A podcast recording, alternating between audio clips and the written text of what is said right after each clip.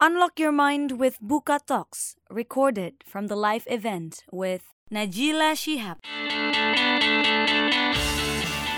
Saya itu juga sering kali bilang bahwa saya tuh sebetulnya korban pendidikan Indonesia.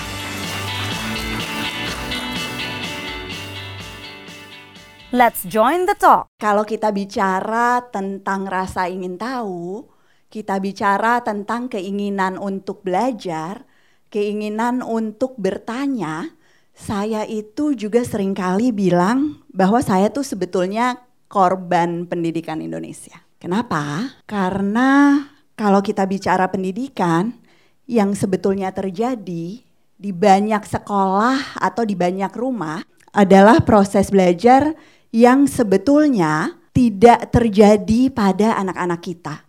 Jadi banyak sekali orang yang seolah-olah sekolah tetapi sebetulnya tidak mengalami proses belajar. Ada yang punya pengalaman kayak saya nggak? Merasa jadi korban, masuk sekolah tapi justru rasa ingin tahunya bukannya tumbuh terus tetapi malah mati terus.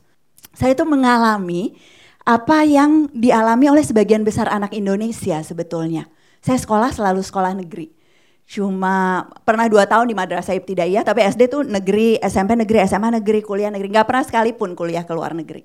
Dan pertanyaan saya dari dulu adalah, kenapa ya justru teman-temanku yang menurut aku pinter, itu nggak sukses di sekolah. Sementara saya, saya tuh contoh pendidikan yang sukses dalam arti konvensional. Nilai ujiannya tinggi, diterima perguruan tinggi negeri tanpa tes dan sebagainya. Tapi saya tuh nggak pernah bahagia di sekolah. Karena banyak sekali pertanyaan, banyak sekali proses belajar yang sebetulnya terjadinya justru di luar kelas. Jadi waktu pertama kali mendirikan Cikal, tujuan utamanya sebetulnya adalah menciptakan komunitas yang terus belajar sepanjang hayat. Siapa yang terus belajar? Bukan cuma muridnya, tetapi gurunya dan orang tuanya juga perlu terus belajar. Kenapa? Karena kenyataannya yang namanya pendidikan itu makin lama makin tidak relevan. Teman-teman, kalau masuk ke kelas atau masuk ke ruang kuliah atau ke training-training perusahaan, itu yang terjadi adalah sebagian besar tuh kayak aduh benar-benar super kebosenan, tidak terlibat dalam prosesnya sama sekali, nggak sabar kepingin selesai. Dan itu masalah. Kenapa? Karena di saat dunia berubah, di saat yang dibutuhkan sebetulnya adalah keterampilan untuk belajar sepanjang hayat, yang kita lakukan justru mematikan kegemaran itu setiap hari. Bandingkan anak umur 2 tahun, anak yang sama nih ya, anak umur 2 tahun ada yang punya tadi yang udah punya anak, ada yang punya anak umur 2 tahun, 3 tahun. Tanya mulu kan. Selalu banyak bertanya. Selalu kepingin tahu. Anak yang sama, yang matanya tuh bercahaya dengan segala macam kemampuannya untuk mengobservasi dunia, terkagum-kagum pada apa yang ada di sekelilingnya, masuk sekolah dua tahun aja. Di umur lima tahun gitu, itu tuh bisa jadi anak yang sangat sayu Nggak ada tuh yang berani nanya di depan kelas. Sementara teman-teman bayangkan saya tuh suka bilang, anak Indonesia harusnya itu mencapai cita-cita yang setinggi langit. Tapi kalau ngangkat tangan aja di kelas setinggi telinganya nggak berani, jadi apa? Jadi orang-orang yang kemudian punya cita-cita terlalu sederhana, jadi manusia-manusia yang terbiasa hanya mendengarkan, nggak punya suara. Dan itu yang terjadi setiap hari di ruang kelas dan ruang keluarga kita. Dan itu kenapa saya yang punya sedikit pengalaman, saya baru 20 tahun teman-teman ngerjain pendidikan. Dan kalau kita bilang pendidikan 20 tahun tuh memang betul-betul baru. Kenapa? Karena perubahan pendidikan beda sama kalau teman-teman kerja di bidang teknologi gitu ya. Ada yang punya ide gitu misalnya di Bukalapak. Uh, Zaki atau Dika punya ide di Bukalapak itu mungkin enam bulan atau satu tahun paling lama udah jadi sesuatu. Kalau di pendidikan tuh perubahan bisa 50 sampai 100 tahun. Jadi kalau teman-teman masuk kelas sekarang, itu teman-teman akan lihat kelas yang persis sama dengan apa yang kita lalui sekian belas tahun yang lalu waktu kita sekolah. Bahkan sama dengan apa yang dilalui oleh orang tua kita atau kakek nenek kita. Sementara dunianya berubah nggak?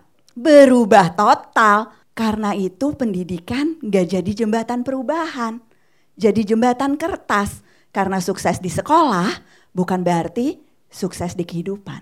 Mendidik anak di Cikal tuh kita dari 6 bulan sampai di kampus Guru Cikal. Cikal sekarang ada 10 lokasi, kampus Guru Cikal, komunitas guru belajar kita beroperasi di 158 kota di seluruh Indonesia, itu berarti saya tuh belajar bersama anak-anak dari umur 6 bulan sampai guru-guru yang udah hampir pensiun umur 55 tahun.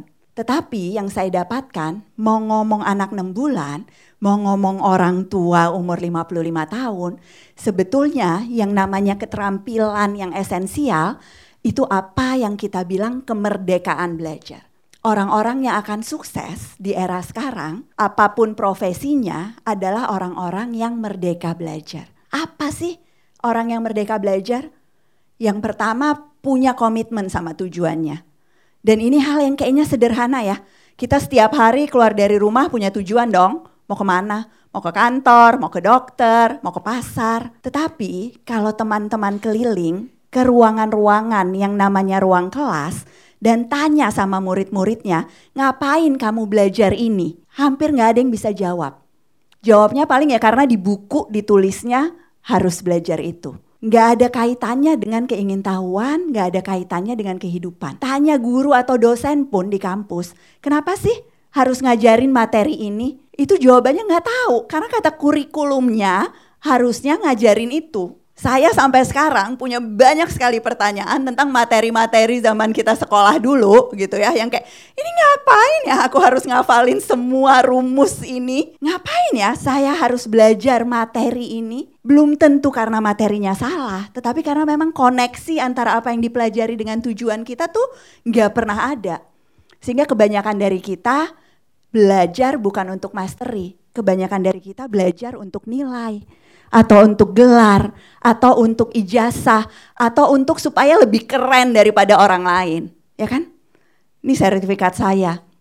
Sehingga yang kita paling sering dengar, kamu nilainya berapa? Nilaiku 7, tapi yang lain 4, aku udah lumayan. Nggak ada tuh keinginan untuk dapat pemahaman yang utuh. Karena standarnya cuma nilai. Orang yang merdeka belajar adalah orang yang mandiri. Nggak pernah tuh nyalahin orang lain selalu yakin bahwa dia punya kendali terhadap apa pun yang terjadi dalam hidupnya. Kalau nilainya bagus, kalau dia berhasil menguasai sesuatu, itu karena saya bekerja dengan sungguh-sungguh. Kalau saya berhasil menyelesaikan persoalan di kantor, itu karena saya tahu masalahnya apa, saya melakukan riset, saya berkolaborasi dengan yang lain. Kalau saya gagal, karena saya juga, bukan karena aduh teman kantorku tuh nyebelin banget deh. Guruku tuh ya, soalnya yang keluar tuh bukan sesuatu yang diajarin sebelumnya. Tapi menumbuhkan orang-orang mandiri ternyata sulit sekali. Kenapa? Karena anak kecil pun kalau jatuh yang disalahin apa? Mejanya. Mejanya yang dipukul. Ya kan? Gimana sih mejanya kok ada di situ? Dari kecil kita diajarkan untuk nggak bertanggung jawab terhadap perilaku kita sendiri. Sehingga jadi mudah sekali kemudian dalam proses belajar, belajar dari bangku sekolah sampai belajar di tempat kerja, kita kemudian nggak merasa punya kendali terhadap prosesnya. Salahnya nasib, salahnya orang lain, salahnya sesuatu yang eksternal di luar kita. Yang terakhir, orang yang merdeka belajar selalu orang yang reflektif. Dan ini kelihatannya sederhana, bisa bercermin, melihat sebetulnya apa sih kelebihan saya, apa sih tantangan saya. Tetapi untuk bercermin kita perlu apa sih? Perlu berani. Ya kan? Banyak sekali di antara kita yang gak berani berefleksi karena sebetulnya kita tahu pada saat kita melihat cermin itu yang kita lihat buruk rupanya. Sehingga jarang sekali saya bertemu orang yang kemudian melihat kritik sebagai bantuan, sebagai dukungan apalagi dengan sengaja memang keliling dan mencari umpan balik terhadap apa yang dia lakukan. Padahal untuk dapat cerminan yang utuh, kita tuh perlu kolaborasi dengan orang lain. Dengan kata lain, kita perlu tahu sebetulnya menurut penilaian kita sendiri gimana, cermin dari pendapat orang lain tentang kita bagaimana, dan itulah yang pada akhirnya punya komitmen terhadap tujuan, punya kemandirian, punya kemampuan refleksi, itu yang membuat kita kemudian bisa merdeka belajar. Dan itu jadi syarat buat banyak hal. Saya punya banyak cerita teman-teman sebetulnya tentang berbagai inisiasi dan organisasi pendidikan yang saya mulai sejak 20 tahun yang lalu. Teman-teman uh, bisa lihat di situ dari namanya sudah terlihat bahwa sebetulnya satu hal yang selalu saya lakukan di pendidikan Indonesia adalah bekerja dengan sebanyak mungkin pemangku kepentingan. Di keluarga kita saya kerja sama orang tua. Orang tua punya masalah yang sama, nggak belajar. Melakukan praktek pengasuhan yang sama sebagaimana yang dilakukan oleh ayah ibunya dulu puluhan tahun yang lalu. Jadi di keluarga kita yang kita lakukan adalah yuk orang tua belajar lagi. Jangan-jangan kita ini mewarisi sesuatu yang sebetulnya udah nggak relevan lagi dan kemudian kita wariskan lagi pada anak kita di saat masanya sudah berubah. Itu juga yang dilakukan di Cikal dan kampus guru Cikal, mengajak guru belajar di Youth Manual, mengajak uh, teman-teman anak-anak SMA dan mahasiswa untuk kemudian belajar sebetulnya belajar tentang dirinya sendiri, mulai mendesain hidupnya dan rencana karirnya di masa depan. Ada Clevers ngajarin cara bertanya. Ini Budi mengajarkan tentang gimana sih proses belajar di dalam kelas yang kontekstual. Ada Islam Edu itu bicara tentang pendidikan agama dengan cara yang sangat berbeda dengan yang kita lalui dulu.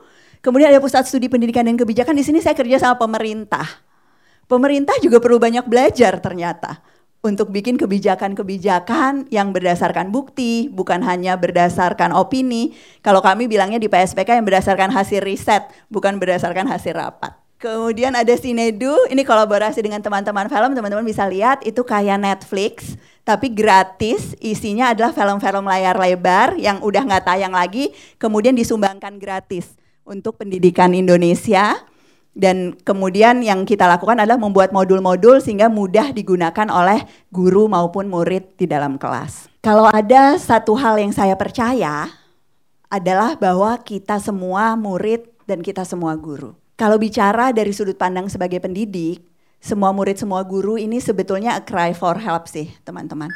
Saya bilang tadi, uh, saya korban pendidikan Indonesia. Tapi saya korban yang memilih untuk berdaya bukan jadi nggak percaya atau jadi saling menyalahkan dengan semua pemangku kepentingan yang lain. Anak-anak Indonesia sekarang jumlahnya berapa tahu nggak? Nggak tahu. 83 juta. 83 juta anak Indonesia yang sekarang sedang mengalami proses pendidikan yang tidak memerdekakan itu kita semua bisa ambil peran dan harus ambil peran. Kenapa? Karena saya itu udah setengah mati kalau dengar orang bicara tentang Indonesia 2045 dan sebagainya. Indonesia 30 tahun lagi itu sudah ada sekarang teman-teman. Gak nunggu ajaib terjadi tiba-tiba 30 tahun lagi. Indonesia 30 tahun lagi udah terjadi setiap hari di ruang kelas dan di ruang keluarga kita hari ini. Mudah-mudahan kita semua bisa ambil peran untuk pendidikan. Terima kasih. Buka aja, buka lapak.